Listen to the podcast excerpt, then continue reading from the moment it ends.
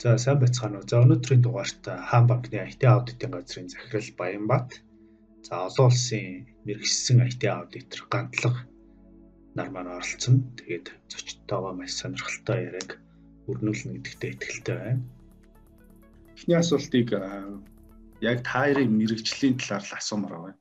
Тэр IT аудит гэж яг юу хэлээд байна? Тэгээд би бол хувьдаа одоо илүү нөгөө нэг аюулгүй байдал энэ хоёр нэг хоорондоо холилдооч байгаа юм шиг холилдохгүй ч байгаа юм шиг тэгсэн хэрнээ яг амьдрал дээр ингэ тусдаа байгаад гэдэг тийм. Тэгэхээр IT аудит гэж яг өдөр тутам амьдрал дээр яг юу хийж юм тэгээ яг ямар ямар ажиллбаруудыг хийж юм за тэр нь нөгөө аюулгүй байдлаас ялгаанууд нь юу вэ? Нэмгэрл эхлэе гэж үзсэн.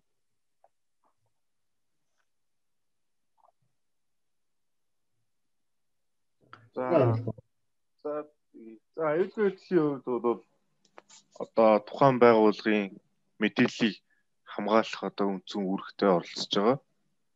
А нэгээс нөгөөрөө мэдээллийг одоо дамжуулахад тухайн мэдээлэлтэй ямар нэгэн тийм зөвшөөрөгдөг хэрэглэж хандах мэдээллийг өөрчлөх тийм боломж болцооноос хамгаалах үүрэгтэй оролцдог байгаа. А IT аудитын хувьд болохоор мэдээллийн технологи одоо үйл ажиллагаа процесс дээр явагдаж байгаа хяналт болон тухайн процессны зөв анх гарс бодлого журам хадаа зөв хэрэгжиж гин гэдэг нь батлаа гаргаж өгдөг. Тийм л хоёр ялгаатай байгаа. Яг хоо дээрэс нь толгойн хэлсэн дээр нэмээд хэлэх а мэдээллийн аюулгүй байдал чинь нөгөө мэдээллийн хөрөнгө алдагдах тийм мэдээллийн хөрөнгийн аюулгүй байдал хамгаалах гэдэг гол яваад тах шиг байгаа. Тэгээ мэдээллийн хөрөнгө гэдэгт өөрөө юу орох вэ гэхээр зөвхөн нөгөө мэдээлэл биш те цаасан янз бүрийн баримтууд за тэг янз бүрийн документууд гэдэг юм уу.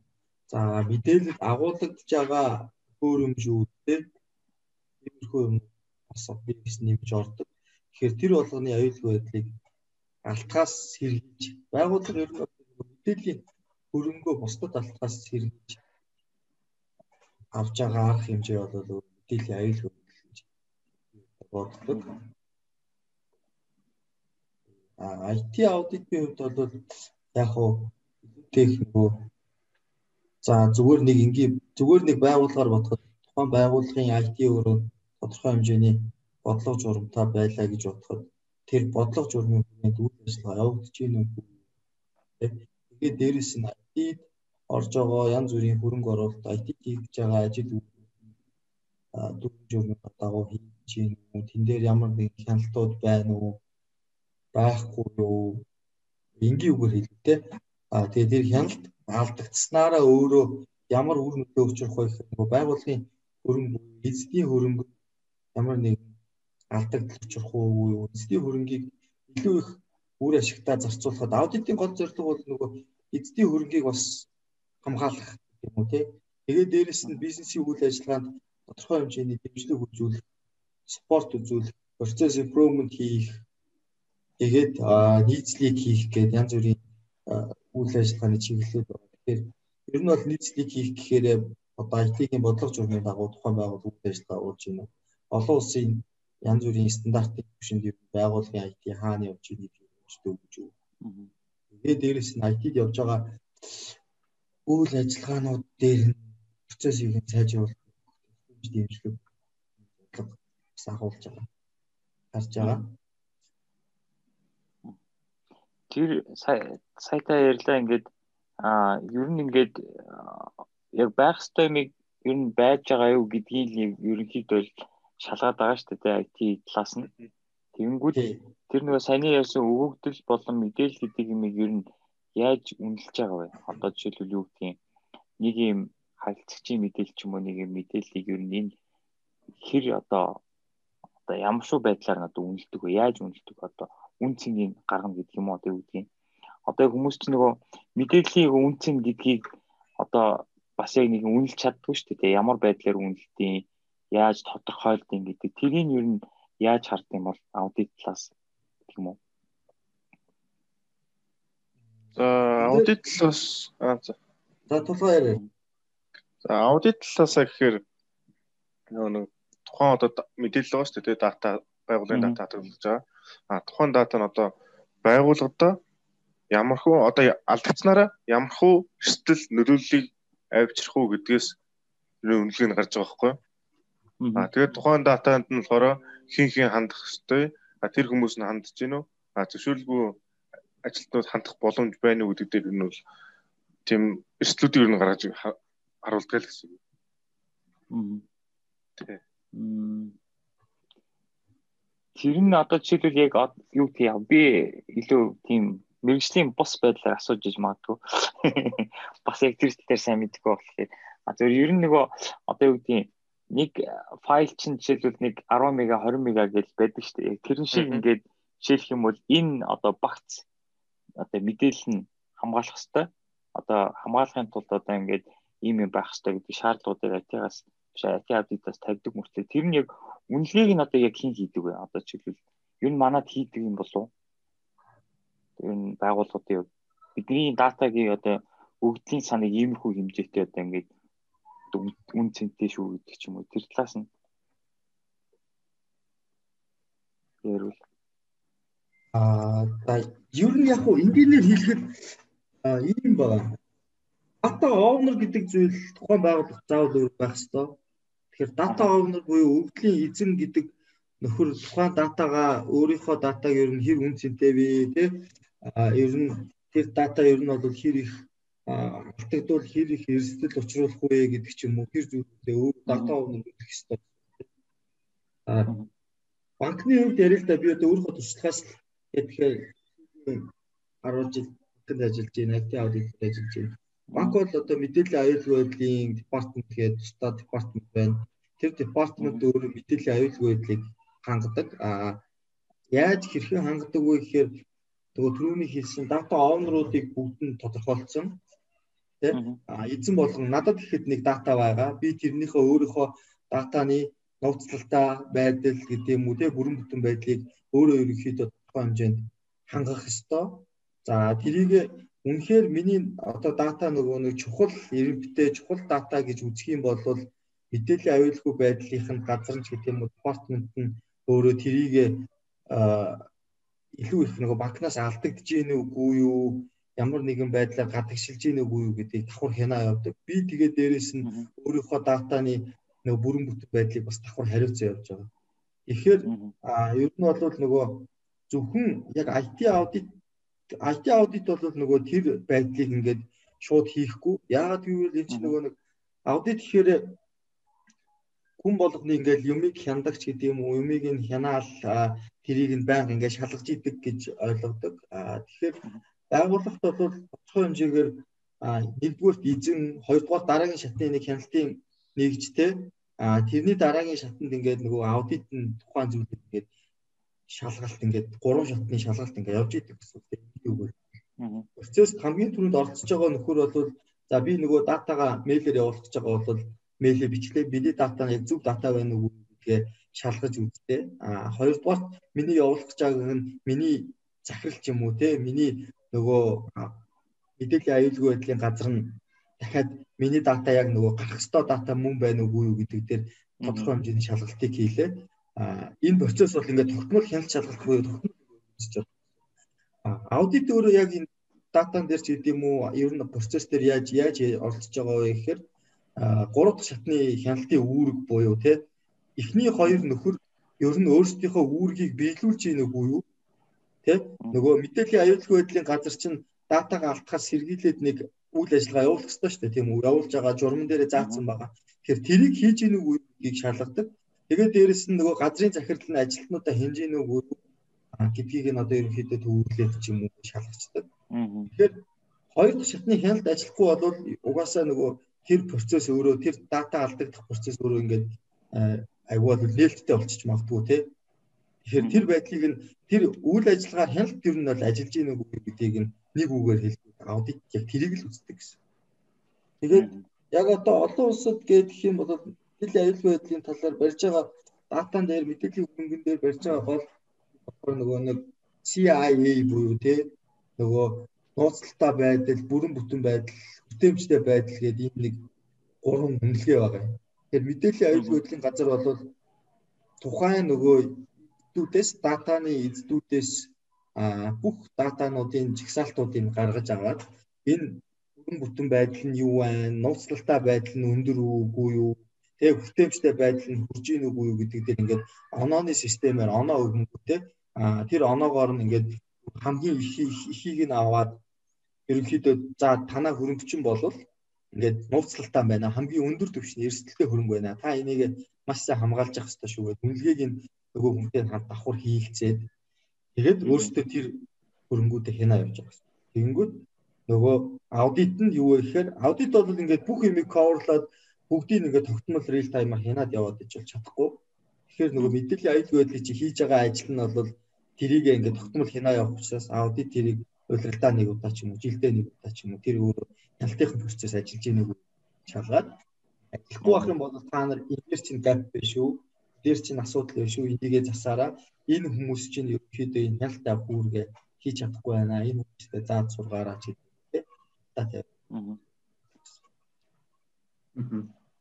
Тэгэнгүүт сая олол ерөнхийдөө нөгөө датан дээр ярьлаа шүү дээ. Тэгэнгүүт эний зүгээр нэг жоохон ингээд тайраас юм асуух гэж жоохон харсан тэгсэн.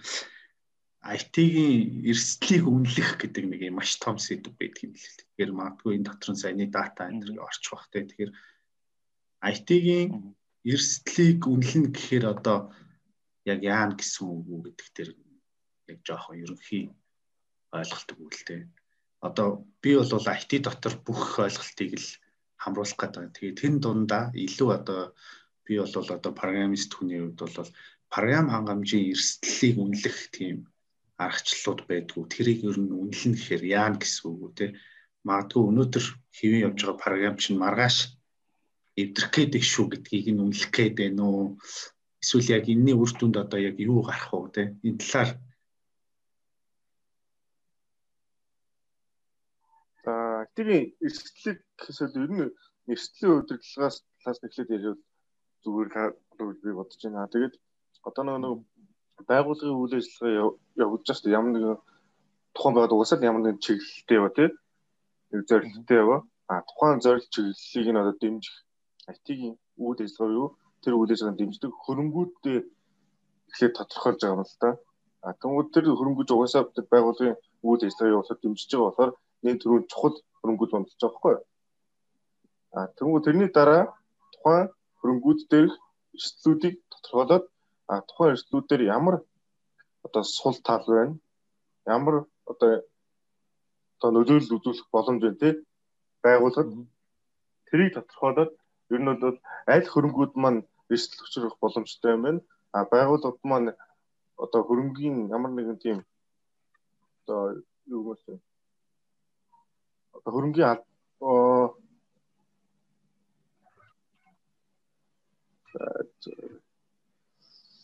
санхүүгийн алдагдал тий үзүүлэх боломжтой юм гэдэг талаас нь харж агаад ер нь бол хөрөнгүүд үнэлээд эхэлж байгаа байхгүй.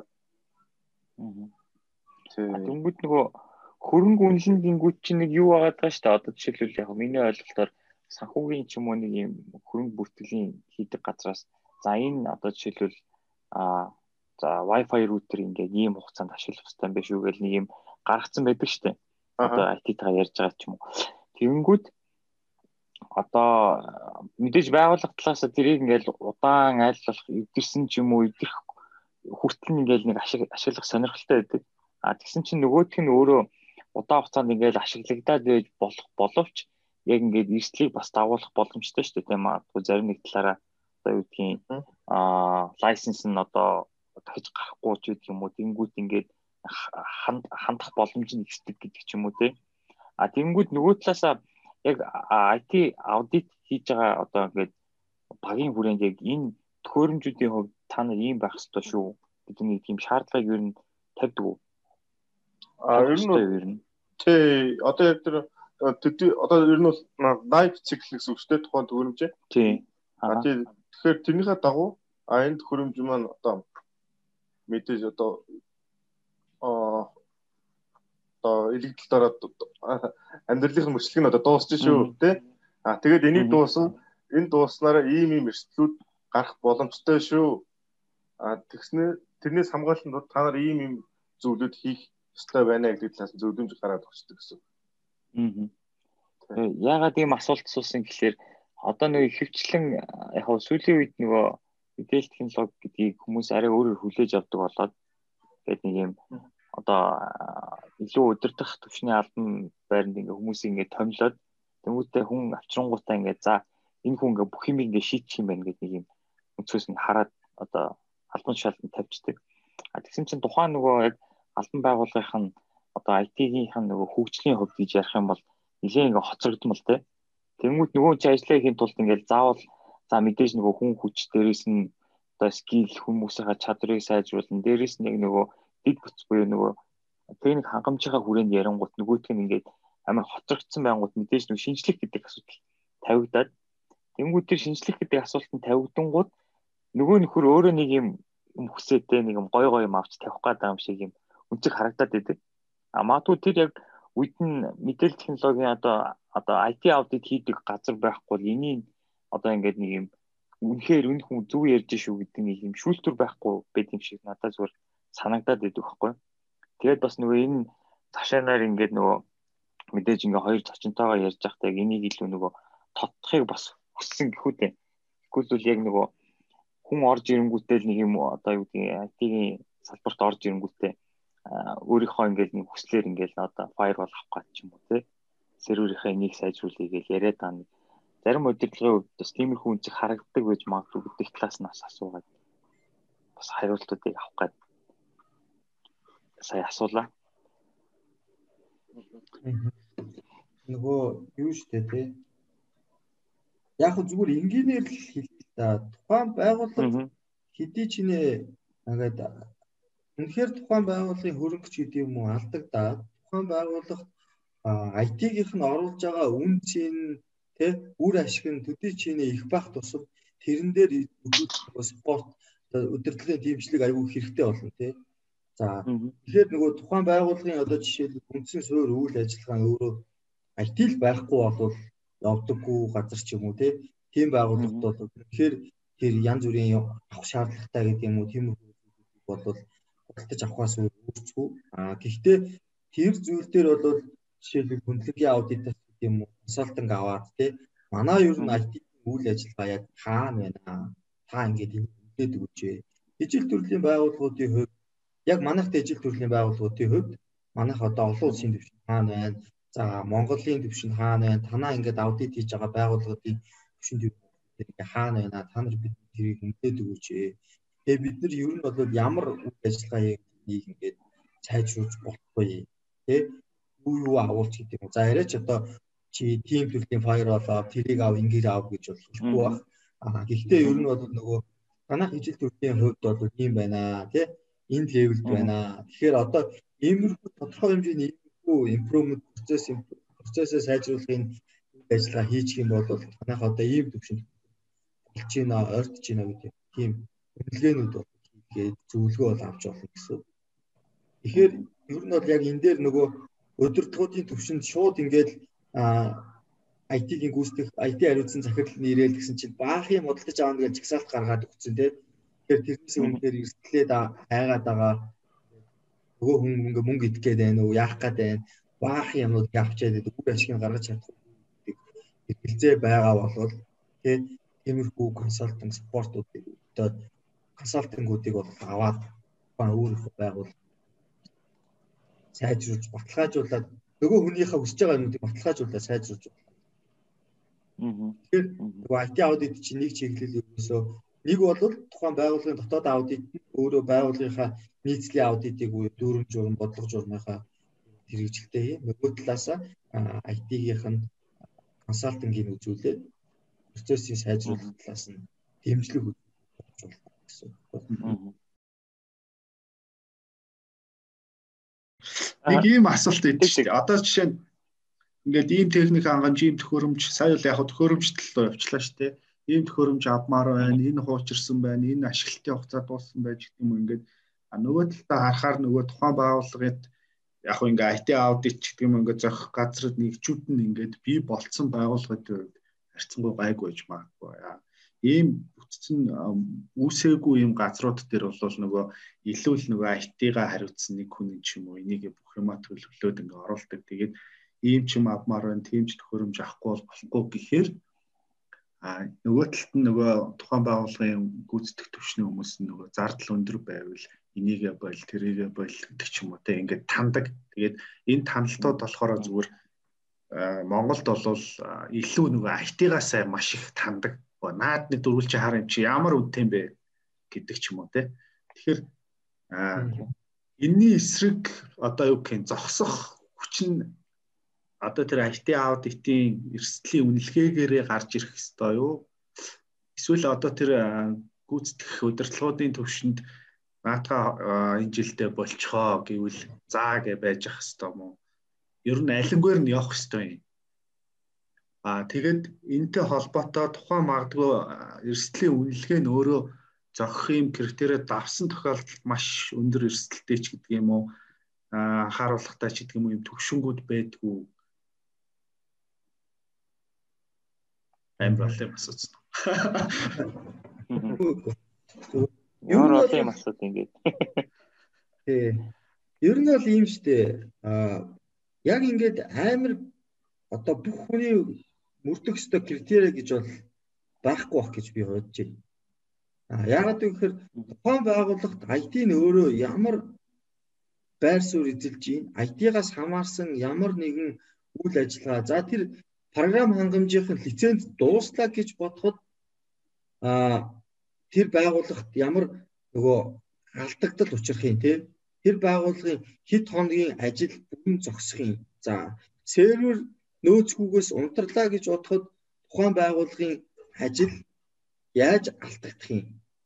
Те тэр бүх болгоныг нөгөө байгууллагын за IT тэгээ дээрэс нь гүйцэтгэх захирал энэ төр нийлж ягаад за манайх үнэхээр энэ сервер унтруул манай ажил нэг өдөр зогсноо. Ерөөсөө юу ч явахгүй зогсон тий. Тийм учраас бид нар энэ серверийн хэвийн найдвартай ажиллагааг хангах нь бол бидний хамгийн түрүүний зорилго юм аа. Тэгэхээр энэ сервер унтарна гэдэг чинь лицензийн дууснаа эвдэрнэ гэдэг чинь өөрөө хамгийн өндөр эрсдэлтэй байдал байна тийм үү. Нөгөө эрсдлийг ч одоо ерөөсөө яаж үнэлээд байгаа вэ гэхээр үр нөлөө тохиолдох магадлалаар нь үнэлээд байгаа байхгүй юу. Тэгэхээр нөгөө яг саяны хэлсэн хоёр юм шүү дээ тий. За тухайн байгууллагт үр нөлөө нь ямар байна? Тэгээд дээрэс нь унтрах магадлал нь ямар байна гэдгийгээ гаргаж ирээд үнэлээд одоо янз бүрийн ингээд нэг матриц байгаа юм л та 3 3-ын матриц гэдэг юм уу 5 5-ын матриц гэдэг юм уу те нөгөө эрсдэлээ үнэлэх матриц байна. Тэгэхээр за үнэхээр за би ер нь бол энэний энэ сервер унтраал үр нөлөө нь өстой манад маш өндрөө бид нэг хоногийнхоо юуг үйл ажиллагааны үйл ажиллагаа тэр чигээрээ зогсооно нэг хоногийн үйл ажиллагаа гэдэг чи одоо хичнээн хэдэн ашиг алдагдал ингээд учирнаа тэгэхээр бид нар бол энийг өндөр нөлөөтэй гэж үзэж байна тий. За эрс тохиолдох магадлал нь юу вэ гэхээр за тогноос болоод унтарна гэвэл бид нар юу байна? Хог баригч нь байна тийм үү? Нөөц цахилгааны их усүр нь байна. Тэгэхээр тогноос болоод унтрахгүй юм байна А тэгвэл энэ лицензийн дуусчингууд энэ шууд програм ажиллахаа болчт юм уу яад юм бэ те. Тэгэхээр үнэхээр тэгдэг гэж үзэх юм бол нөгөө бид нар лицензийнхаа лицензээ ер нь бол хугацаанд дуусгаас өмнө ингээд сунгаж хэрэгтэй юм байна гэдэг. Тэр бүгдийг ингээд хийчээд одоо яг IT-гийнхаа хөрөнгө гэж түрүү нөгөө гатлахын хэлснээр IT-ийн хөрөнгө гэж яриад хөрөнгөнээр ерөөсөө юу вэ гэхээр програм хангамж, техник хангамжлал байгаа байхгүй IT-ийн хөрөнгөн дээр. Тэгэхээр энийг үнэлнэ гэдэг чинь ерөөсөө програм хангамжийн лиценз дуусгах гэдэг юм ингээд үр ашигтай байдлын дуусгах нөгөө талаас нь техник хангамжийнх нь хугацаанд дуусгах ажиллагаагүй болох гэдэг нэг тийм зүйлүүд яригадаад Тэгэхээр энэ нөгөө 3 3-ын матрицаар буюу магадлал үр нөлөөг нь үнэлээд эрсдлээ тодорхойлол байгууллага өөрийнхөө төвшөнд тодорхойлоо гаргах гэсэн. Түүнээс биш одоо хаан банкны хувьд бол IT үнэхээр чухал учраас банкуудын хувьд IT үнэхээр чухал учраас тэрийг унтарсан ч гэсэн үр нөлөө нь бага юм да гэж бодоод тэр тухайн төхөөрөмжийн нөгөө эрсдлийг нь багаар үнэлж ирсэн болохгүй. А харин зүгээр за банкны хувьд гэхэд дотооддоо ашигладаг нэг 5 6хан хүн ашигладаг. Тэгсэн хэрнээ тэр хүмүүсийн автоматжуулах зорилготой ч гэдэг юм уу нэг програм хангамж байлаа гэхэд тэр програм хангамжийн лиценз дуусаад эсвэл тэрийг ажилуулдаг сервер нь унтарлаа гэхэд нөгөө үр нөлөө нь бага тэгээ тохиолдох магадлал нь өндөр байлаа гэхэд тэр нөгөө нөхөр чи эрсдэл нь арай жоохон багаар нөлөөлнө гэсэн үг байна. Тэгэхээр нөгөө байгууллагад орж байгаа хувь нэмрийнх нь хүрээнд л шууд эрсдэл байгууллага өөрөө эрсдлээ үнэлээд тэгээд тэрийг эрсдэлгүй байлгах тэр эрсдэл учруулахгүй төлөө ямар арга хэмжээ авч болох вэ? Тэр төлөвлөгөөгөө гаргаад тэгээд тэр төлөвлөгөөнийхөө дагуу ажиллана л гэсэн. Аа одоо нөгөө IT аудит дотроо ер нь хуваагддаг. Жишээлбэл нөгөө санхүүчин дотроо бүртгэл ихтлэн яруу төрөл байдаг дээ. Тэрэн шиг нөгөө нэг одоо юу гэдгийг систем талын, техник талын гэдэг ч юм уу тийм байдлаар ер нь хуваагдсан юм болов? Одоо л ер нь бол тэгэл баг бүхмөргөө л альтаа бодод ороод явж байгаа шүү дээ. Уг нь бол яг хаа миний ойлгосноор бол нэг project management талын нэг тэ аудит төр а систем хэрэгцсэн тий чиглэл чиглэлд одоо мэрэгсэн байдлаар бэлтгээд тэгээ ямар нэгэн аудит төр аль аль талынхаа мэдлэгийг хуваалцаад тэгээ ингээс би нэг саппортод өгвөл зүгээр юм болов уу гэж хараад тэднээс яг дотроо тэр тэр тэр хуваалцсан юм бол одоо таагдахгүй л Монгол гэж юм тий. Тий, тий. Аха. Тэгвэл одоо ингээд сайн нөгөө ярьсан шүү дээ. Гаднаас ингээд хүндлэнгийн аудит оруулж ирээд аудит хийлгэнэ гэдэг. А тэнгууд нөгөө талаараа а жишээлбэл ямар ч газар дотоод аудит гэдэг хөвчлэн ер нь байгаад байгаа шүү дээ. Чинээ яг IT-ийн тусдаа аудит хийдэг одоо хүн аваад тэгээд тэр хүн ингээд аудит хийн гэж явах юм бол ер нь ямар шүү хүн ер нь байх хэвээр вэ? Одоо туршлагын хувьд гэдэг юм уу? Одоо зан чанар нь гэдэг юм уу? Одоо нэг тийм тодорхойлвол ер нь яг IT аудитор болон одоо санхүүгийн аудитор аудиторууд бол хүн хүн өг үнийхээ талаас бол адилхан нөө ашиг сонирхлын зөрчилгүй тий. Тэгээд ямар нэгэн тийм хүмүүсийн одоо хэлсэн үгэнд итгээд явчихгүй ямар нэгэн өөрийнхөө шийдвэр дээр баттай зогсож чаддаг ямар нэгэн одоо хүний нөлөөнд өртчихгүй тиймэрхүү хүн байвал зүгээр гэж боддоо шүү. Ховын талаасаа тий. Тий, ховын талаасаа. А одоо IT аудитор мэрэгжил талаасаа гэвэл одоо IT аудитч болохоор яг өөрөө бол аудит хийгээд юм гоо юм юм ордог аа сүлжээ, систем тий IT-ийн засаглал, удирдлага бүхэл зүйл рүү бүгдрөө ингээ ороо явчихдаг болохоор яг энэ зориулж бол одоо чинь одоо Монголд бол бакалаврын төвшнөл тийм сургалт байхгүй байгаа шүү дээ. Аа. Тэнгүүл ямар нэгэн байдлаар IT-ийн нэг чиглэлээр сурцсан хүн байхад ороод тэгээд суралцаад явна л гэж би одоо хувьд ойлгоод байна. Энэс шууд тэр тэрийг бүх тийм бүх зүйлийг 4 жилийн хугацаанд суралцаад IT аудитор болно гэж бодож байна. Тэгж бэлтгэх одоо болоод байхгүй зайдаг юм байна. Аа. Яг ямар чиглэлийн хүмүүс илүү одоо IT аудитор болоход илүү дөхөн бэ? Одоо программист гэдэг ч юм уу одоо системийн админ байсан хүн гэдэг ч юм уу те. Нэг тийм ямар чиглэлд байсан хүмүүс илүү дөхөн байх вэ? Одоо хөгжөөд карьерээ арай жоохон ингээд IT аудит тал руу явуулахад миний харж байгаагаар бол мэдээллийн аюулгүй талтай чиглэж явсан хүмүүс зүгээр бол гэж харагдав. Аа. Яг уу зүгээр ингээд аа одоо гадны улсуудад юм уу те тэдэрт болохоор аудит нь өөрөө дандаа та хөгшин туршлагатай тийм хүмүүс байд. Аа. Тэгээд одоо Японд ихэд IT аудит хийж байгаа харахаар санхүүгийн аудитын чиглэлээр ажиллаж исэн. Санхүүгөө шалгадаг. Тэгэнгүүт одоо зөрүүлээд нөгөө санхүүгийн үйл ажиллагаанд ер нь бол нөгөө IT аудит гэж анх яагаад IT аудит гэх юм гараад ирсэн бэ? Анх бол IT аудит гэж байгаагүй. Санхүүгийн аудит л байсан. Тэгэнгүүтээ санхүүгийн бүх процесс өөрөө IT дээр, технологи дээр, тэ тооцоолон бодох машин дээр, компьютер дээр ингээд яваад исэн учраас тэр нөхдүүд зөв ажиллаж байгаа юу үгүй юу гэдгийг шалгаж баталгааж болох зорилгоор IT аудит эхлэл суурь тавигдсан гэж үздэг юм. Тэгэхээр нөгөө дээр үеийн санхүү шалгадаг байсан нөхдүүд чи одоо програмаа шалгачих юм бол програм нь зөв ажиллаж ивэл нөгөө санхүү тайлна зөв гарч ийн гэсэн үг, тоо мэдээ зөв гарч ийн гэсэн үг тий. Тэгээд тэр тал руугаа IT аудит айгүй болчихсон хүмүүс бол байдаг. Тэгэхээр ер нь бол яг ямар ч чиглэл би бол боддөө шүү дээ. Ямар ч чиглэлийн хүн аудитыг хийгээд явхад бол боломжтой сурч хөгжөөд тэ? Хүмүүсийн туршлага судлаад өөрөө хамгийн гол нь өөрөө нөгөө хөв хүн өөрөө хөгжих сонирхол аюу өнөртэй байвал ер нь бол евроч хөргөөд ингээд орчиж болно. Аа гэхдээ тодорхой хэмжээгээр IT-ийн ойлголттой тэгээд нөгөө санхүүгийн ойлголттой тий технологийн ойлголттой сервер чи ингэж ажилдаг, тэр чи ингэж ажилдаг, тий програм нь ингэж ажилдаг, ийм процесс байдаг гэсэн тийм. Тухайн хэмжээний ойлголт мэдгэдэггүнтэй байх юм хүмүүс хийчих бах.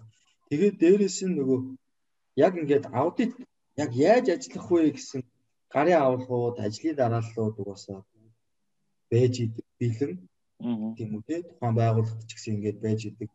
За чи ингээд хамгийн түрүүнд трийгээ хий, хамгийн түрүүнд өдөртөмжөө гарга, өдөртөмжөө гаргаад мэдгдлээ хий, мэдгдлийнхаа дараа өдөртөмжөө гарга, өдөртөмжн дээр чинь хамрах хүрээгээ тодорхойлно, чи зорилгоо тодорхойлно. Тэ юу юуг яаж шалгах уу гэдгээ тодорхойлно. Тэгснийхаа дараа хүмүүсээсээ мэдээлэл цуглуулна. Мэдээлэлээ цуглуулсныхаа дараагаар чи өөрөө эрсдлээ үнэлнэ. Эсвэл тухайн байгууллага чи өөрөө эрсдлээ үнэлсэн байвал тэр үнэлсэн эрсдлийг нь авч танилцаад тэрийг хамрах хүрээнд оруулна. За тэгээд тэр байгууллага тэр эрсдлээс тэр тухайн зүйлээ эрсдлээс хамгаалахын тулд ямар арга хэмжээ хийж байгаа вэ гэдгийг нь нотлох баримтуудын цуглуулна. Тэ ямар ямар хяналтууд байх ёстой вэ гэдгийг цуглуулад тэрийг үнэлнэ, баталгаажуулна. Тэгээ баталгаажуулсныхаа дараа чи үнэлтээ өгнө ч гэдэг юм уу. Тэгээ ийм процесс нь өөрөө бүгд тодорхой учраас хүн болвол юу л бол юуг ямар ч хүмүүс ямар ч мэрэгжлийн хүмүүс ер нь бол хийх бас боломжтой гэж хараад байна. Аа тийм.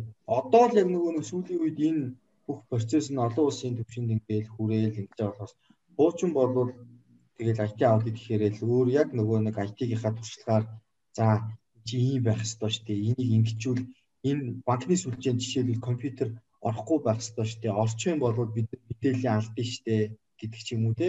Тэр бүх майндаар ингээл өөрөө эрсдлээ ухаал ингээл олоод байсан. Тэгээ одоо бол нөгөө бизнестэй илүү их хамтын ажиллагаатай communication талдаа ингээ болоод бид нар та нарын ажлыг чинь илүү сайжруулж өгөх та нарт зөвлөгөө өгөх зорилгоор юу хийж байгаа шүү.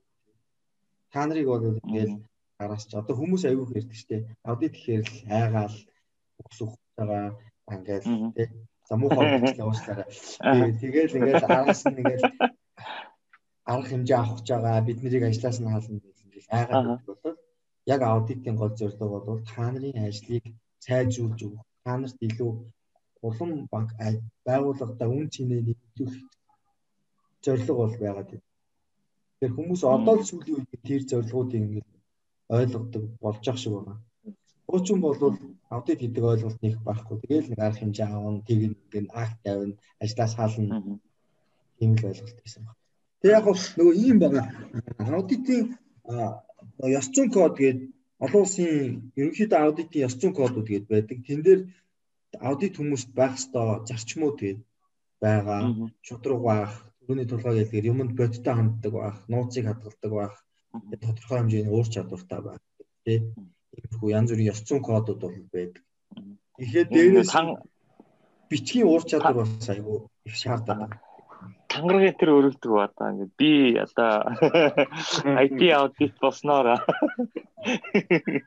Тэр бол төрийн аудит тангаар өргөдөг. За одоо бодоо. Аа. Тэгээд ингэж штэ. За IT аудит бол өөрөө сурвал ер нь ийм тийм мэрэгжил гэхгүйгээр сурахад бол болно гэдэг. Тэгэхээр магадгүй одоо юу гэдгийг те сая янз янзын эрсдлийн үнэлгээ тогтоох ч гэдэг юм уу эрсдлийг хянахад зориулаад одоо та нарын ажилд туслах зорилготой бас янз янзын төхөөрөмж ч юм уу програм агамж ч юм уу юмнууд байдгүй ер нь өдөр тутмын ажилдаа одоо ямар аргачлалуудыг хэрэгжилж ийм эхний асуулт нь. Хоёрт нь болохоор Монголд зүгээр миний харж байгаагаар Монголд яг энэ IT аудит гэдэг нь илүү одоо банк санхүүгийн салбарт энэ позишнууд байгаад байна уу? Тэгэхээр нөгөө банк санхүү нөгөө нөгөө юу гэдгийг Монголд арай гайгүй том компаниуд учраас тэгээд байна уу? Эсвэл зөвхөн одоо энэ банк санхүү мөнгө төгрөгтэй холбоотой явж байгаа юм дээр байх ёстой гэх гээд байна уу а ямар хэмжээний байгууллагууд ер нь IT аудит гэдэг зүйлтэй байх ёстой юм?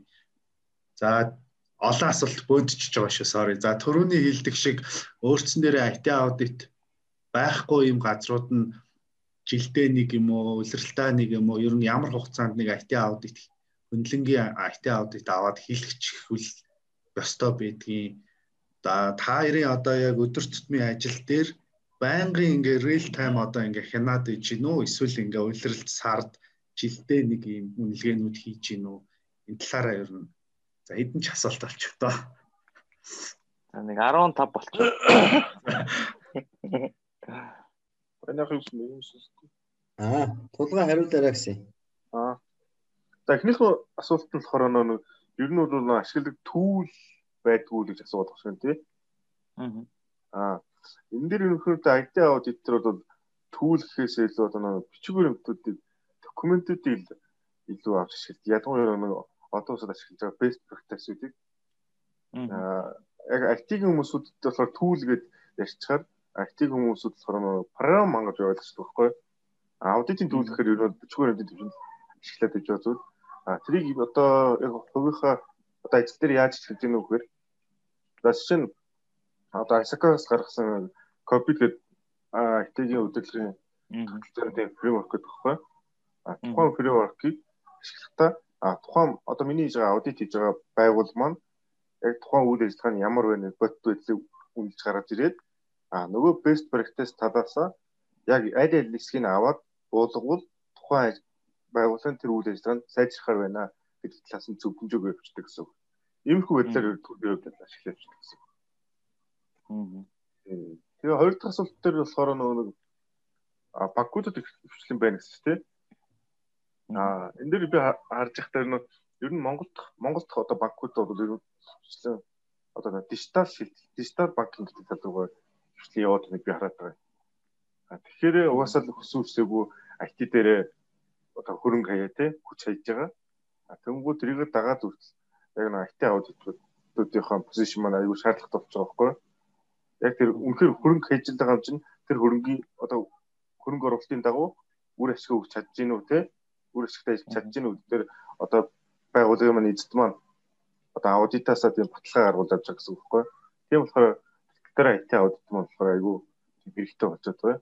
А бусад одоо IT-ийн үйл ажиллагаа хийж байгаа компаниуд болохоор түрүүний түрүүний ярьжсэнээр дэвшлэн зөвхөн консалтинг маркер одоо IT аудит үйлчлэг явуулж хөвчл зүгээр санагдаад байна. Заавал тэрийг бий болгоод байхгүй тий.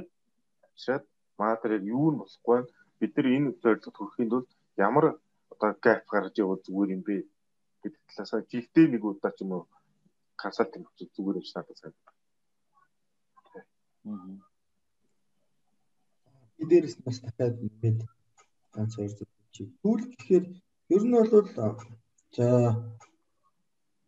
би бодож байгаа би 2011 онд илүү 12 он юу лээ.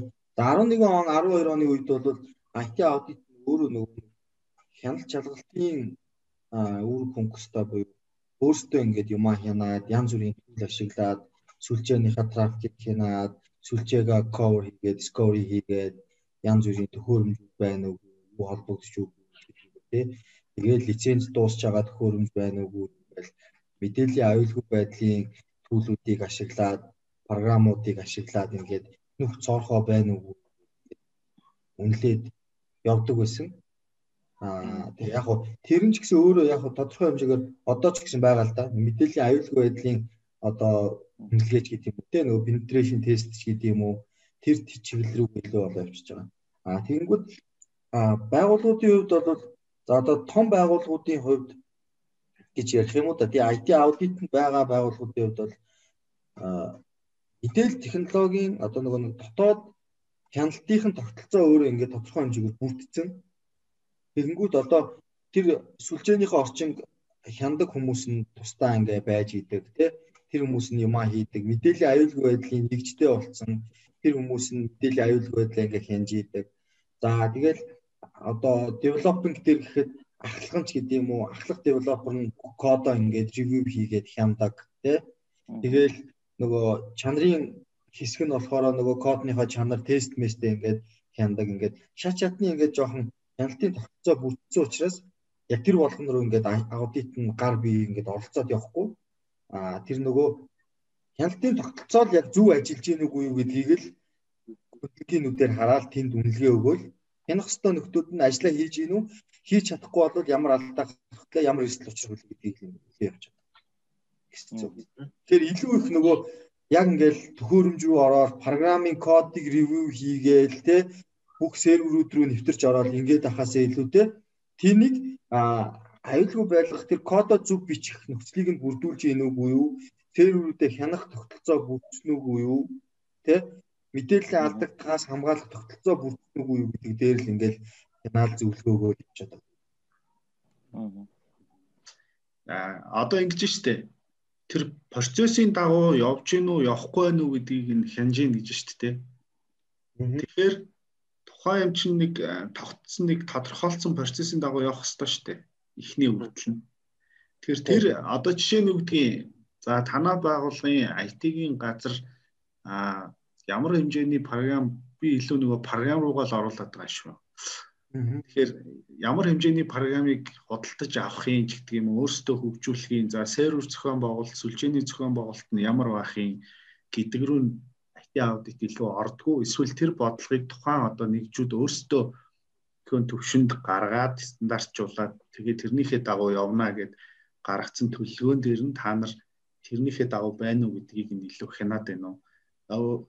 Өөрөөр хэлбэл одоо тэр юу гэж хэлэх юм бэ? Процесс нь оролцоод явж ийнэ үгүй юу эсвэл араас нь хянж ийнэ үгүй юу? Тий, тэр яг процесс тодорхойлох тэр шатанд нь бас оролцож ийнэ үү гэж л одоо асуух гээд байгаа санаа гэх юм юу гэн тий. Тэгэхээр магадгүй хэрвээ тэр процессд нь оролцдог бол IT аудит талаас за наад дээр чинь бол түрүүн ганцлагын ярьдаг шиг тий ийм стандартууд бий, ийм протоколууд бий, эднэрийг оруулж ирэх хэвээр, энийг хангах хэвээр ч гэдэг юм уу.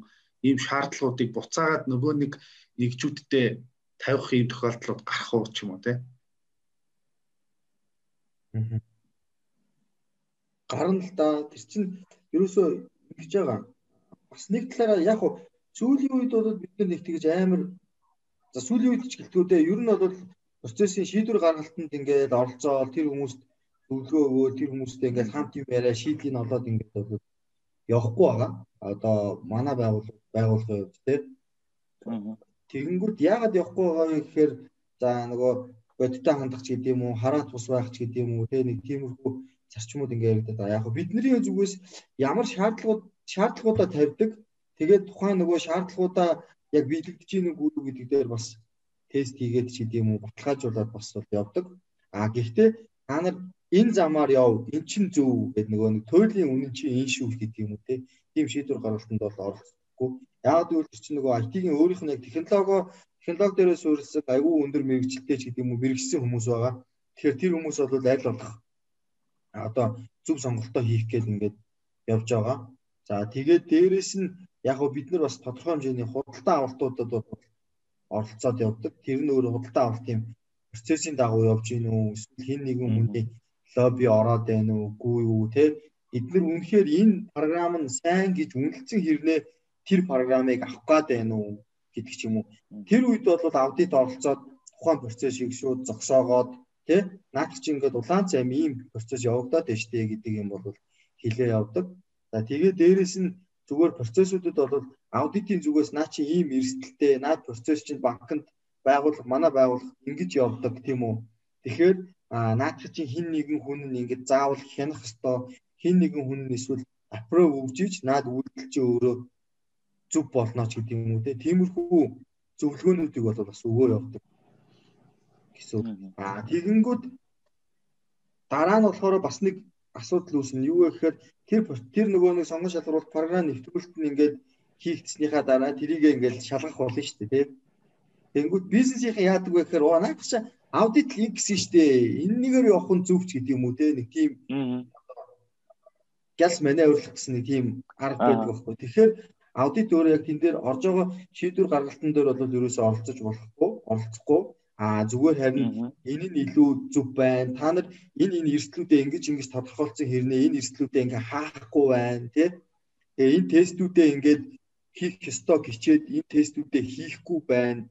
Энэ тестийн үйл явц чинь өөрөө 100% болоогүй иж програмаа нэвтрүүлэх гээд байна ч гэдэг юм тий. Тэгэхээр наа чи өөрөө ийм ийм ийм эрс дагуулна гэдэг байдлаас орж явдаг гэсэн.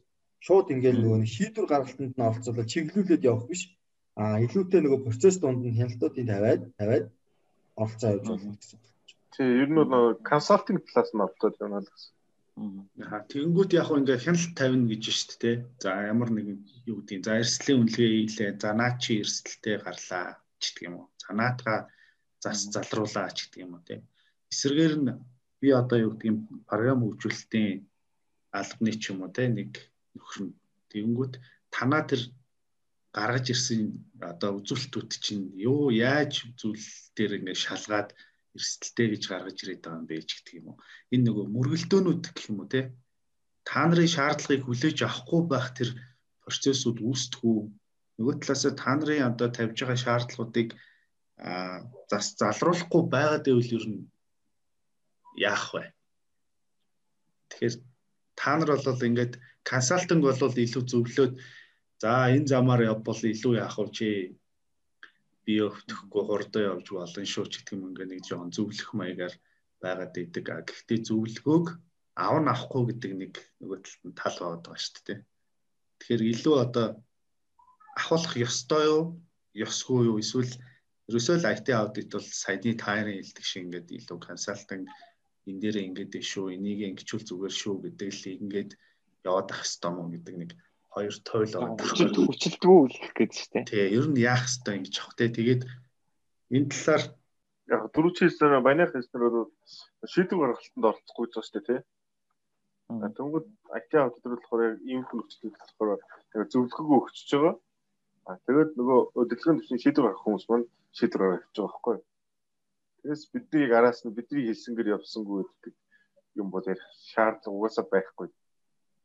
Яг нөгөө бизнес өөрөө шийдвэрээ гаргана. Аа тэгээд дээрэс нь зарчмын юм за үнэхээр ингээд зарчмын юм наа чи үнэхээр том эрсдэл дагуулахаар юм байна гэх юм бол за бизнес тэрийг ингээд хүлээн зөвшөөрөхгүй байлаа гэж бодоход за аудит тодорхой хэмжээгээр ийм зөвлөгөө өгсөн.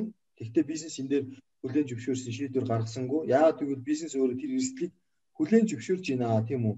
Хүлээн зөвшөөрөх хэмжээд ингээд байна гэж үзээд бид нар энийг ингээд хийх гэхээр илүү их одоо жишээлбэл мөнгө гараад дахиад нэг ченж өгөө тэрэндээ мөнгө төлөх гээд байна. Тэгэхээр манай энэ эрсдэл бол тэр ченжээс ингээд их давахгүй гэдэг ч юм уу те.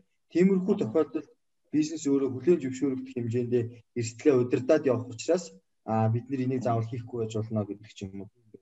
А тэг яг хуу зарим нэг тохиолдолд илүү консалтинг гэхээсээ илүү заавал хийх ёстой зүйлүүд бас байна л да. Тэ? За манайх гэхэд сүүлийн үед төслүүд гэдэг юм шинэ програм хангамжууд ингээд нэвтрүүлж байгаа. Тэгэхээр тэн дээр юу байгаа гэхээр аудитын лог лог гэдэг юмнууд зайлшгүй байх хэрэгтэй гэж бид нэр анханасаа шаардлага тодорхойлоод нөгөө шаардлага тодорхойлолтод оролцоо явуулж байгаа. Тэгэнгүүт хэн юу хийсэн програм хэн юу хийгээд хизээ ямар мэдээллийг юу болгож өөрчилсөн ч гэдэг юм уу те хэн програм дээр ямар change тавьсан гэдэг ч юм уу тэр бүх мэдээллийг та нар заавал програмын төвшөнд хадгалж явах хэрэгтэй шүү. Тэгэхээр тэрийг бол бизнес за үнэхээр энэ бол эрсдэлтэй байна. Энийг бид хийхгүй бол болохгүй байна гэдэг байдлаар одоо вендортэйгээ харилцаж байгаа. За энэ энэ үйлдэлүүд маань логгүй байгаа даа. Энийг логтой болгож өгөөч гэж гэдэг юм уу те. Тиймэрхүү шийдвэртэй гаргаа. А үнэхээр одоо за наадах чинь э, яг хөө бид нар бол тодорхой хэмжээний эрсдлийнхэн төвчний өөрийн эрсдлийнхэн төвчний ерөнхийдөө бизнес аудит хоёр ч юм уу ингээд хамтраад үнэлээд тий ер нь бол голцоо бизнес өөрөө үнэлж байгаа эрсдлээ одоо эрсдлийг үнэлдэг нөгөө одоо RCSE гэдэг нэг аргачлал байгаа байхгүй юу? Тэр аргачлалын дагуу бизнес өөрсдөө эрсдлээ гаргаж ирээд эрсдлээ үнэлнэ. Гэхдээ бид нар дутуу эрсдэл гаргасан байвал бидний олж харсан эрсдэл нь нөгөө үнсэн эрсдэл донд байхгүй байх юм бол бид нар тэрийг өгөөд дахиад үнэлүүлж болно. Тэгэнгүүт бизнес өөрсдөө RCS за ямар нэгэн аргачлалаараа эрсдлээ үнэллээ. Бид нар энэ эрсдлийг ингэж хаах юм байна. Ингэж хаасны дараа ийм тодорхой хэмжээний эрсдэл хийж байгаа юм байна энийг бидний хүлээн зөвшөөрөөд явж болно ч гэдэг юм уу те. Тим шийдвэрүүдээ илүү бизнес гаргаа явуулдаг гэсэн. Аа. Тий. А үнэхээр нөгөө үнэхээр том эрсдлийг тэд нэр хаагаагүй гаргаагүй олж хараагүй байх юм бол аудит тэрийг нь зөвлөө явахад бол тэд тэр хүмүүс мэдээж хүлээн зөвшөөрөөд байна. А эсвэл аудит нэг талаас нь ингээ харцсан нөгөө эрсдэл нь ингээл шийдэгдэхгүй юм шиг байгаа хэрнээ тухайн үйл ажиллагаан дээр ч гэдэг юм уу програм дээр а наадах чинь энэ эрсдлийг энүүгээр хаана гэд бизнес өөрөө ямар нэгэн модельөө мэддэг те а наадах чи энийг ингээ хийчих юм бол энэ жишээлбэл юмыг enable хийчих юм бол наад эрсдэл чи ингээ хаагдчихна гэвэл оо окей тэгвэл наа чи өөрөө том өндөр эрсдэлтэй учраас боловч а нөгөө бид нар эрсдлийг нь хамгаалж чадж байгаа учраас хяналтаа тавьж чадж байгаа учраас одоо үлдэгдэл эрсдэл нь ингээд тодорхой хэмжээнд бага юм байна. Тэгэхээр за за бид наадах чи хүлээж зөвшөөрлөж гэдэг юм те. Ингээд харилцан хүлээж зөвшөөрлөж бас юм. Сая ингээд нөгөө айгүй том том цар хүрээ ярьлаа шүү дээ. Бизнес шийдвэр гаргал тэгэл. Тэгэнгүүт нөгөө талаасаа яг IT засаглал гэдэг нэг юм хүмүүс яриад байдаг шүү дээ. Яг зөвч яриад байд юм уу, буруу ч яриад байд юм уу. Тэгэнгүүт ер нь а мэдээж та хоёрын бодож байгаагаар IT засаглал гэдэг ер нь яг одоо Монгол улсын одоо хүрээнд ер нь ямар байгаа вэ? Тэгээ энэ дээр яг тоо ямар хуу байдалтай одоо юу гэж боддөг вэ? Энэ талаасаа хуваалцвал яг засаглал нь яг өөрөө яг одоо байх ёстой гэдэг байдлаараа засаглал гэдэг нь IT засаглал. IT governance гэх юм уу тий. Тэр нэг байх ёстой гэдгээрээ яг байгаа юу эсвэл энэ одоо ямар шүү байгаа вэ?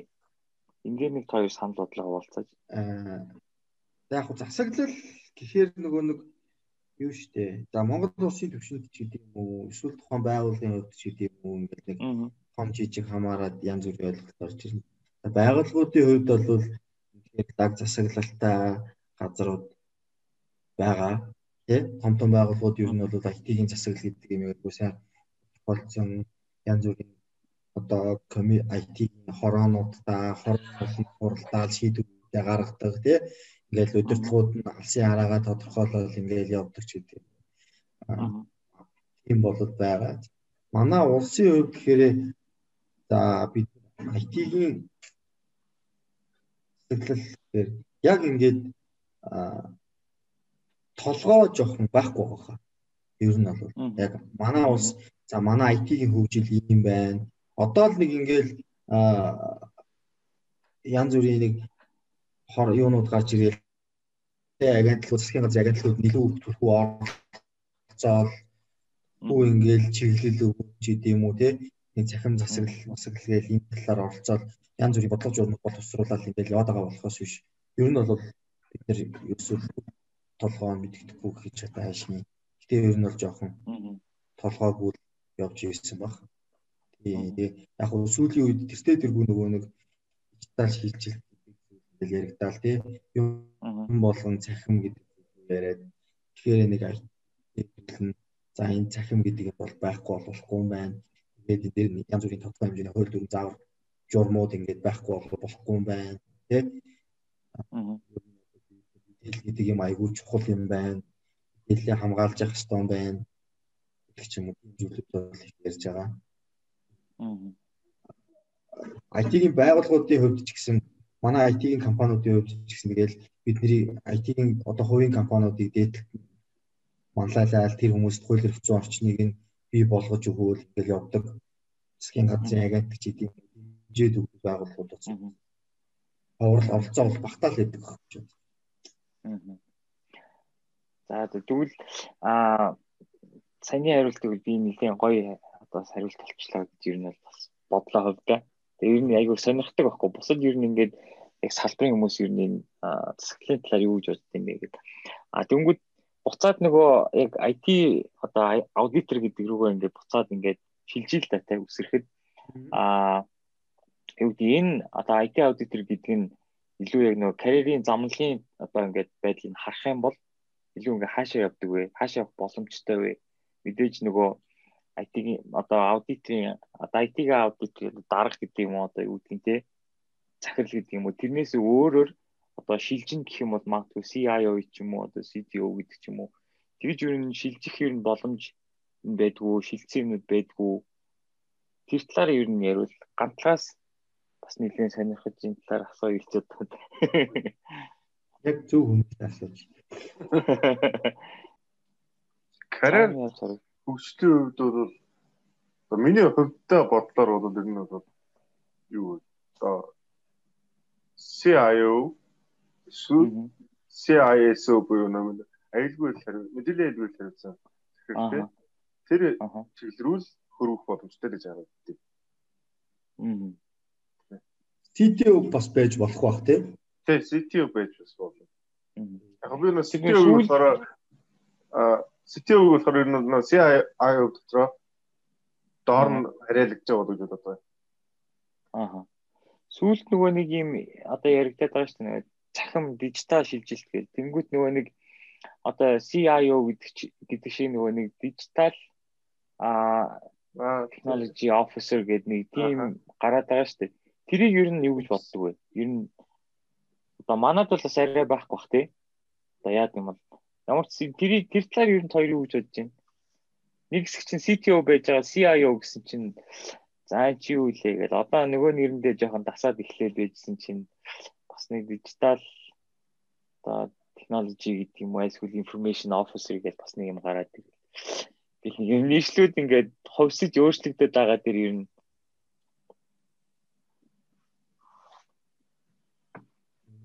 За дижитал офисер гэхээр илүү их юу болох вэ? Би бол тэгж бодож байна. Аа CIO бол гэртээ тэргүй байдгаараа байх бах. Яг мэдээллийн технологи гэдэг чинь мэдээлэл гэдэг юм байгаа учраас тий. IT гэдэг юм байгаа учраас дижитал гэдэг нөхдүүд яг юу вэ гэхээр одоо байгаа ингээд энгийн бизнес модельийг дижитал талаар чиглүүлэгч гэдэг тий. Аа талаар нь одоо дижитал бизнес төлөвлөгөөнүүд гаргах ер нь яавал илүү бид нэр одоо илүү энэ дижитал тал руугаа хөгжүүл ямар ямар бизнес модельүүдийг ингээд зүйлээд тий дижитал тал руугаа ер нь яаж ингэж хөгжиж болох вэ гэдэг юм. Одоо нөгөө нэг байгууллагууд нэг бизнес хөгжил хариуцсан одоо офисер гээл захирал гээл нэг тийм хүмүүс байдаг шүү дээ тий. Тэр хүмүүс баг илүү нөгөө нэг тэр чиглэл рүү илүү ажиллах байх гэж бодож шүү. Тэр тэр хүмүүсийн л ер нь шилжих чиглэл байх л та. Тэгээд нөгөө түрүүний нөгөө аудитын яг нөгөө нэг карьер хөгжил гэдгсэн те. Тэн дээр бол яг хүмүүс ингээд зүгээр энгийн IT аудитор ингээд байгаа л яваал ээж болно. IT аудитор чи өөрийнх нь нөгөө янз бүрийн сертификатууд, мэрэгжлийн цоллууд гэдэг юм уу тийм зүйлүүд айгүй байгаа. Тэгээ манай гантлаг гэхэд чинь 2020 онд бол CISA гэдэг яг олон улсад бүхэн зөвшөөрсөн мэдээллийн системийн аудитор гэдэг сертификат авсан. Тэгээ энэ нь өөрөө нөгөө дараагийн карьер олон улсад гарах карьер тий тэрний ингээд айгүй том эхлэл болж өгдөг. Тэгээд дээрэс нь энэ түрүүний хэд нөгөө нэг бүр өмнө нь ихэнд нэг ярьж ирсэн Исака гэдэг олон улсын байгууллагаас бол энэ янз бүрийн сертификатууд ингээд олгоо явдаг. Тэгэхээр тэр сертификатуудыг ингээд авснараа ер нь бол олон улсад гарах карьерүүд нь бол бүр олон нээлттэй болно. Тэгээд дээрэс нь CIO болох хад бол түлхэж үзүүлэх нь бол амжиггүй болно гэсэн. Яагаад тэр хүн чинь IT-га бүтээр мэддэг, системээ мэддэг, тэ мэдээллийн аюулгүй байдал талынхаа хэсгийг тодорхой хэмжээнд онлайн хүрээнд шийдэх мэддэг, олон улсын бүтээн зөвшөөрөх ингээл тэгэхээр илүү их боломжтой болдог байх гэж бодож байна. Аа. Тэгвэл гадлагаас дахиад нэг асуулт асуухад а саяны дээр нөгөө нэг сертификат гэсэн шүү дээ тий. ISA CA зөрүүлээгүй тийм CISA гэдэг. Энэ энэ талаар ер нь жоохон дэлгэрэнгүй мэдээлэл магадгүй хүмүүс нөгөө нэг а мэддэг нь мэдээд мэдхгүй нь илүү нөгөө мэдээлэл яаж ер нь автын ямар хуу одоо шатараал байдгийг ингээд жоохон дэлгэрүүлж хэлж өгвөл. За СИСА болохоор одоо Асакаас гаргаж байгаа одоо дэлхийд төр ер нь бол баг ганц л нэг IT аудиторын тийм ихсэн цодыг өгж байгаа. Цод маань байгаа. Тэгээд мэдээж энэ цодонд хүрснээр бол дараа дараагийн зөндөл боломжууд нэгж нэгдэж байгаа байхгүй. Энэ цодонд хүрэхийн тулд тэгэхээр за мэдээж ихний эйжент мэдээлэл төлөв IT аудитын чиглэлээр нэлээд сайн ажиллаад туршлагажаад а тэгсэн тохиолдолд бол ер нь энэ цолон төхөд бол нэлээд боломжийн ойрхон байгаа. А тус цолон төхөд энэ сургалт дээр юу яриад өгөхөөр За нийтдээ дотроо бол 5 домен ярьдیں۔ Эхний домен болохоор IT аудитын талаар, а хоёрдугаар домен болохоор IT-ийн засаглал удирдлагын талаар. А гуравдугаар домен нь IT-ийн төслийн менежментийн талаар. За дөрөвдүгээр домен болохоор IT-ийн сервис менежмент буюу change management тий incident problem management бас тэр талаар ярьж байгаа. А тавдугаар домен болохоор одоо хөрөнгийн айлгуул буюу мэдээллийн айлгуул талаар ярьдаг гэсэн. Тэгэхээр ингээд 5 домен бүхэл бүтэн IT ингээд цогцоор нь харах боломжтой тийм мэдлэг болох гэж байгаа байхгүй юу? Аа тэгээд мөн энэ мэдлэгийг өрөөнд аудит хийгээд их илүү тохиромжтой болоод ирдэг. Аа тэгээд энэ олон улсын стандартыг гадаг аудитыг хийдэг гэсэн. Аа. Тэгэхээр саяны юг авахын тулд саяны ярьсан 5 хэсгийг тавланг нь ер нь эзэмшиж авч гин үү? Тус тусдаа одоо юутай байна уу? Яг хоо энэ сургалтын дээр бол энэ 5 домен 5 домен дээр ч одоо ойлголт өгсөн шүү дээ. Аа тэгээд шалгалт болон шалгалтын дээр бол ер нь бол нөгөө нэг бид нар чинь IT аудитын шалгалт өгж байгаа болохоор IT аудитын зүгээс харахгүй юу. Тэгэхээр заавал тийг яг бүрэн эзэмшээд профешнл төвшөнд байгаа тушаардахгүй гэсэн. Гэхдээ ер нь бол тавлангийн эзэмшүүл үнэхээр бүр макс амтан болох юм шүү. Сая би бүр бүр тавлангийн эзэмшүүл тэгэл нэг IT дээр нэр бараг л өөрөө өдөртнөөс тийм. Нүүл хүлэглэн өстэй. Монголд ер нь хэр их байд юм бэ яг энэ чиглэлийн юмнуудыг хамгаалсан авсан. За Сисат миний мэдхээр бол нэг 12 хүн л байлаа. Аа. Оо зөө зөө. Амар олон болсон шүү дээ. А бүр цөөхөн байсан юм уу те? 12 чи цөөхөн сонсогдож ш. 5 жилийн өмнө 2 л хүн байсан санагдав. 2-оос нь 3 хүн байсан. Ер нь бол яагаад олон болсон бэ гэхээр нөгөө Монгол банкнаас банкны шалгуур үзүүлэлтийн журам гараад ерөнхийдөө 20 онд 19 онд 20 онд IT аудитуудыг айгу бэлдсэн айгу шалгуурууд а одоо энэ сертификатад ерөнхийдөө бол айгу бэлдэж эхэлсэн гэсэн үг байхгүй байгууллагууд. Тэгээд дээрэс нь мэдээлэл технологийн газраас засгийн газрын агентлагаас бас эдгээр холбоотой энэ журам урам гараад тэгээд байгууллагууд ерөнхийдөө IT аудит их сонирхож ирлээ. За аудитын компаниуд нэг IT аудит ч юм уу ядаж нэг IT аудиттай болно. Тэгээд аудитын байгууллагууд ч гэсэн олон улсын аудитын байгууллагууд ч гэсэн нөгөө IT аудит гэдэг хүмүүс айгүй байсан. Тэгэл зах зээл ер нь бол айгүй тэлж эхэлсэн гэсэн үг.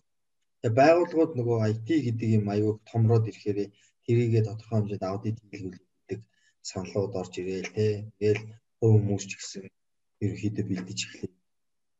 Одоо энэ баг 12 хүний чинь ихэнх нь л 2020 он давцаасан баг те. 19 20 онд л авсан шүү дээ. Тий 19 20 онд. Ер нь авахд хэр уддаг вэ? Одоо ингээд шалгалтанд нь бэлдээд тэгээд одоо шалгалтын нөгөөд хариуны гартал гэдэг ч юм уу шат амжилтын хувьд ингээд за шалгалт нь бэлдээд үнэхээр сайн суулаа гэхэд нэг 3 сар болов а тэгээд шалгалт өгсөний дараа бол юу байдгийг шууд нөгөө тэнцэн тэнцэг үсэн хариу гардаг а тэгээд 10 хоногийн ажлын 10 хоногийн дараа болохоор яг нөгөө онооны хариулт нэгдэх байхгүй юу яг аль аль домонд хэдэн оноо авсан гэдэг тийм дэлгэрэнгүй харин байдаг гэсэн. Тэр нэг юм зарим нэг сертификатууд нэг юм хугацаатай байдаг шүү дээ. Тэдэн жил тэдэн юу. Энэ дэр тийм байдгүй. Бага ба энэ дэр 4 жилийн хугацаатай байгаа. Тэгээд 4 жилийн хугацаа нэгдээ 120 кредит цаг зөвлөх шаардлагатай. Жил 40 гэсэн үг байхгүй. Аа. Өлөө Тэг 3 жилийн хугацаатай юм байна шүү. 3 жилийн хугацаатай жил 40 гэсэн үг. Жил 40 тэр чинь юу гэсэн үг вэ? Хамгаалчаа дараа нь кредит цуглуулаа явдаг. Тий одоо өөрийгөө тасалдахгүй дахиад ингээд сайжруулах сургалтанд хамрагдаад явуулдаг гэсэн үг байхгүй юу? Яг нэг IT аудиттай хамрагдaltaй юм эсвэл IT-ийн рисктэй тий эсвэл фэстэй хамааралтай тийм сургалтууд суугаад юм гэсэн. Аа Монголд ер нь яг энийн албан ёсоор ч юм уу ингээд э, явуулж байгаа сургалтын төв мөв юм бэ бэ нөө. Эсвэл байгаа байгаа. Хоёр сургуулийн дэв байгаа. Eposoft Step Center гэдэг. Аа. А Step Center явуулж байгаа юм байна тий. Тий, тий. Тэр хоёр сургуулийн нэгдээр цаг сургууль одоогийн байдлаар явагдаж байгаа. Монгол хүмүүс бас зааж байгаа тий. Зарим зарим дээр нь бол Step Center дээр бол Монгол огс заадаг байна. Тий, Монгол огстой одоо юу гэж байна. А ийм байгаа тий. Яг тийм заах эрхтэй гэсэн юу бол багцлаад байдгүй. А гол нь CP кредит цаг сургуулахад ямар нэгэн байдлаар сургуульд орсон байвал кредит цаг болгодог байхгүй СК-аас. Аа. Окей. Тэр гантлаг хүн бэлдэнгүүд аа гантлахын бэлдсэн хүн сертификат авах юм бол кредит цаг бол. Тий, оноо. Тэгээ нөгөө хамгийн анхны CISA сертификаттай хүн миний сонсч ирсэн нэг Mobicom-ийн мэдээллийн аюулгүй хойсон гэсэн. Хоёр дахь нь болохоор одоо энэ Wagner-Az компани аудит хариуцсан захирал эрсдэл аудит хариуцсан захирал хийж байгаа. Баасан дөрж бай. Залуу байд. Тэгээ ерөнхийдөө систем центр баасан дөрж өгч. Зөв. Баасан баасан дөрж болохоор өөрөө CISA авчаад нөгөө CIA-ийг мэрэгсэн одоо аудитор гэдэг цолыг бол бас авсан. Одоо бол энэ хоёрыг яг хоёулангийн зэрэг эзэмшиж байгаа хүн ганцхан бас бас. Тэр ер нь бол хүмүүс яг нэг ингэж ярьдаг. Аудит хийж байгаа хүмүүс эхлээд CISA авчаад дараа нь CIA авчвал бас илүү амар гэдэг нөгөө CIA-гийн шалгалтын дээр нь нэг хэсэг нь бас IT-гийн мэдлэг айгүйх шаарддаг юм шиг байгаа тийм. Булгаа. Тий, тий. 3 дахь шалгалтын дээр нь IT-гийн IT бол аюулгүй гэсэн. Хоёр хэсэг байна. Тэгэхээр нөгөө анх ингээд CIA-д бэлтэж байгаа хүмүүс бол одоо мэрэгсэн дотоод аудит хэрэгсүүлэгч олон улсын тий тэрэнд бэлтэж байгаа хүмүүс бол эхлээл нөгөө яг аудитынхаа ингээд бизнес санхүү манхүүгээ ихнийхээ нэг хоёрыг давчаал ирэнгүүтээ гурав дахь шалгалтын дээр IT ороод ирэнгүүт унцдаг гэж байгаа. Тэгэхээр нөгөө CISA-тай бэлтжижсэн хүмүүс чинь тэрийг ингээд өгчих юм бол бас шууд арай илүү хэлбэр болоод ирдэг гэж нөгөө ярьд юм байна. Ер нь тэгвэл ер нь IT-тай холбоотой хүмүүс ажлын хажуугараас бэлтживэл зүгээр юм биш үү те. Тэгээ ер нь зүгээр аюу мэдлэг болж авах гэсэн үг байхгүй юу? Ер нь нэг зарчмын юмнууд тий. Тэгээ одоо ингээд нөгөө нэг гадны ингээд одоо та хэд нөгөө LinkedIn нэр дээр харангуут чинь л зарим нэг CSA мисатай хүмүүсийг ингээ харахаар доотлолт нөгөө нэг тайтл дээр ингээд нөгөө бүх сертификатад очсон байдаг шүү дээ тий. Зарим нь бол тэгэл нөгөө Исакагийн IT-тэй холбоотой бүх сертификатууд ингээд баг цуулаа. Тэгэхээр ер нь аль нэгийг авчвал нөгөөдөлдөө авахуд айгүй амар юм шиг хүн болоод. Тий. Тэгэл одоо Сисаг авчлаа гэхэд нөгөө нэг а Исакагаас гаргаж байгаа систем гээл те мэдээллийн аюулгүйдлийн менежер үлээ те болохоор тэрийг авахд арай илүү ингээд хэлбэр болоод тэгдэг. Тэгэл өөр өөр янз бүрийн сертификатад авахд бол бас хэлбэр болж байгаа шиг байна. Аа. Тийм л баг л та. Тэгээд дээрэс нь нөгөө хилний мэдлэг ер нь бол бас нэгэн шаардж байгаа. Шалгалтууд. Шалгалт нь англиар явдаг. Тэгээ сүүлийн үед нөгөө манай IT аудиторууд ерөнхийдөө нэг жоохон community үүсгээд одоо Монголдо энэ IT аудит нөгөө дотоод аудитын институт гэдэг бол олон улсын байгууллага чаптер байдаг.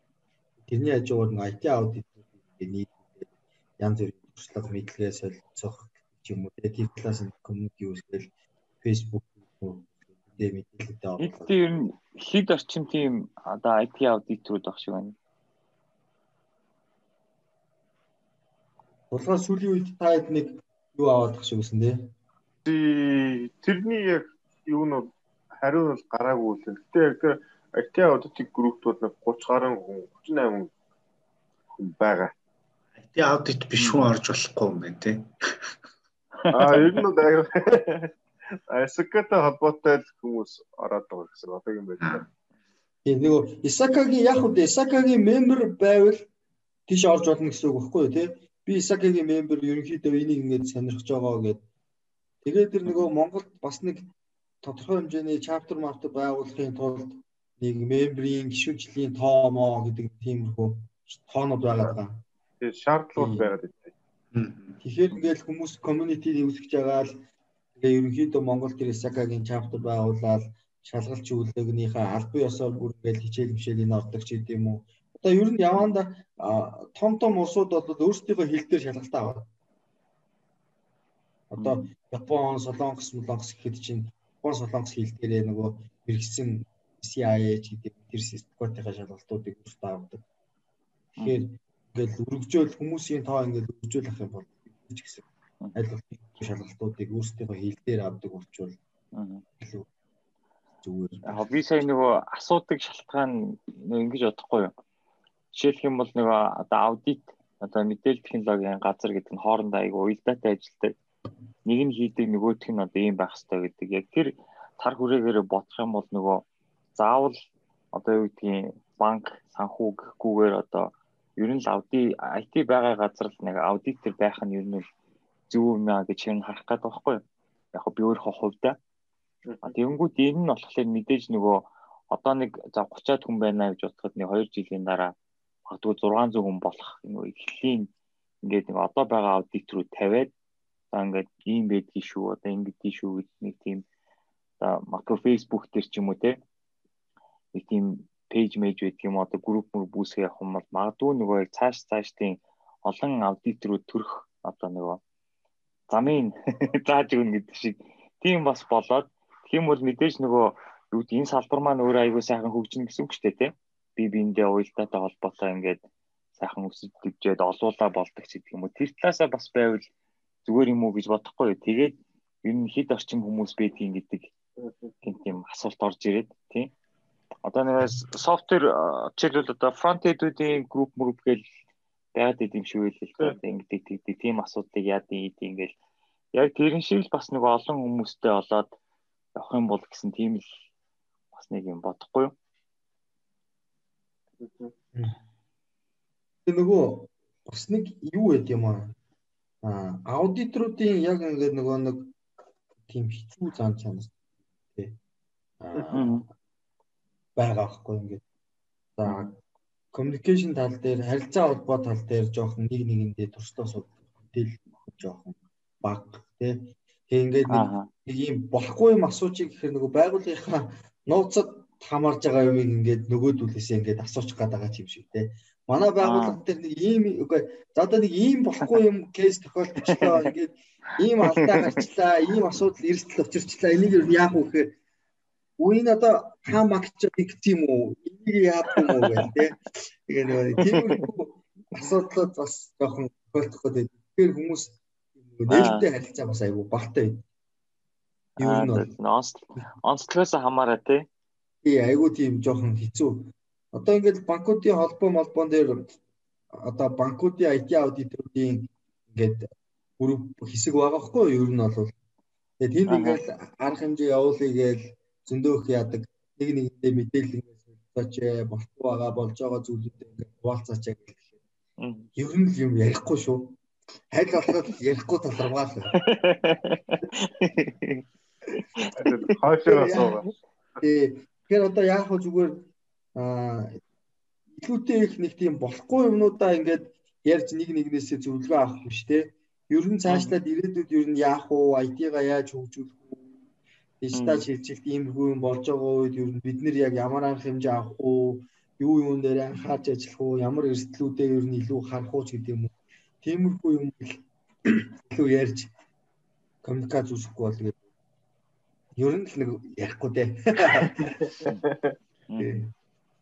Яг гоо сүүлийн үед нөгөө тэр миний түрүүний хэлсэн манай Монголын дотоод аудитын институт гэдэг олон улсын чаптер маань бол а жил болгоно нэг юм форум зохион байгуулаад тэн дээрээ IT аудит хийж ярина. Тэгээд ер нь IT-ийн мэдлэг гэдэг ямар чухал уу, яах вэ хүү гэж айгүй ярьж байгаа. Тэгэхээр энэ бол хүмүүс бас талаар тодорхой хэмжээний мэдээлэлтэй монголчууд бол ялангуяа тийм дийлтэй болж байгаа шүү. Яг энэ IT аудит хийдэг Монгол тийм хувийн яг энэ чиглэлээр явж байгаа компани ч юм уу хэр олон байдیں۔ Одоо нэг жил төрөний магадгүй зөвлөгөөг дагаад байгууллагатай нэг IT аудит хийлгэх чи гэсэн хүн байж болно шүү дээ. Тэгэхээр иймэрхүү чиглэлээр үйл ажиллагаа явуулж байгаа компаниуд ер нь байд юм. Одоогор бол ховор л байгаа. Одоо тэгээд ер нь бол энэ нэг миний харж байгаа бас чиглэл болж.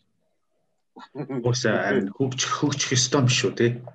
Бүр юм тусдаа бизнес болоод баг ингээд хөгжих ёстой IT-ийн консалтинг те ер нь IT-ийн зөвлөгөө өгдөг.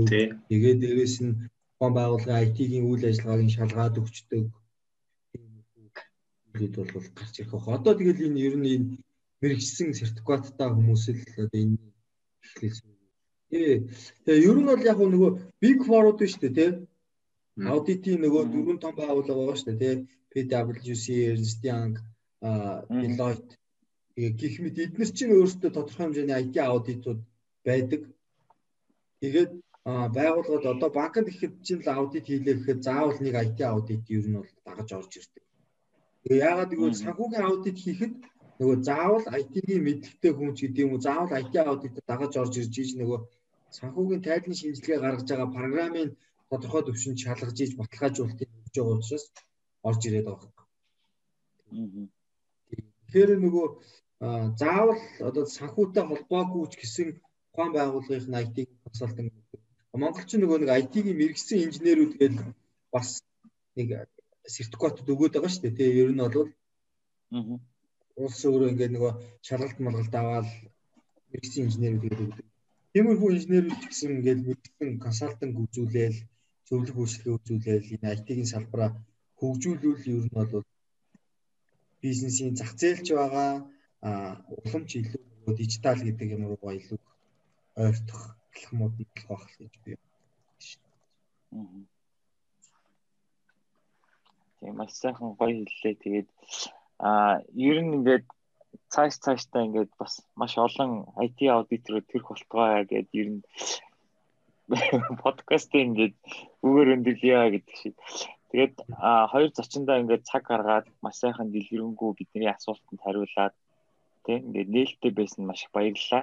Тэгээд хоёр зочныхоо цаашдынх нь ажил хөдөлмөр одоо бүх хэзүүст нь ингээд сайхан өндрөөсөн дээр амжилт хүсч одоо ингээд дэдийн дэдий гэсэн яа гэдэг шиг ингээд нөгөө яриагаа хэдүүлээ бас ингээд дэрлэё те маш баярлалаа ингээд цаг цаваа гаргасан тийм Ер нь бол яриад байвал маш өргөн сэдв байт юм тий. Харин одоо бол хэдүүлээ чи ингээд 3 цаг ярьсан гэхэд л цаана дахиад сонирхохоор өшөө бүр ингээд лавшруулах юмнууд гарч ирэл гэдэг юм байна. Зүгээр яа миний зүгээр харснаар илүү жоохон Монголд энэ чиглэлийг жоохон хөгжүүлээд таниулах хэрэгтэй болов уу гэж надад харагдаад идэв шүү дээ. Ерөөсөө мэдтгүү тэгээд би би жишээ нь л эний чинь нөгөө аюулгүй байдалтай нь холиол тэгэл яг одоо нэг ажлыг хоёр талаас нь булаад хийгээд байгаа юм шиг ийм дүр зураг харагдал. Тэгээ нөгөө энэ талтай болохоор нөгөө аюулгүй байдал нь сүүлийн үед илүү одоо олон түгээл аюулгүй байдал бол чухлаа л гэдэг боловч яг одоо ингээд хайрын ярианаас ингээд сонсохоор IT аудит бол ерөөсөө л бүр яг үндсэн тэр нэг том фундамент болж харагдаад байна шүү дээ. Тэгэхээр илүү бас энийг гоё таниулаад мэдүүлээд илүү одоо юу гэх юм яг энэ чиглэлийн мэрэгсэн хүмүүс нь олон гарч ирвэл IT аудитынхаа салбарт ажиллахаас гадна зүгээр миний харснаар өөр одоо чиглэлүүд рүү явж ороход бол айгүй мундаг хүмүүс ер нь байх боломжтой юм шүү дээ. Тэгэхээр илүү энэ чиглэл рүү их олон хүмүүс боловсроод гараад ирвэл тэр хэмжээгээр IT тэр аяараа өшөөл дараагийн next level рүү явах юм шиг санагдчихээн. Тэгээд баярлалаа. Тийм шүү. Баярлалаа. Орсонд тий. Подкастнда урьж оролцуулсанд баярлалаа. Улам хүмүүс олон хүмүүс сонсоод болгоны сонорыг мэлаадаг сайхан подкаст хийж байгаарай гэж хүсье. За баярлалаа. Бас улам их амжилтыг хүсье да. Хичээж ажилланаа. Нөгөө нэг хичээж ажилланаа гэдэг нэг амар сё хөхтэй болт.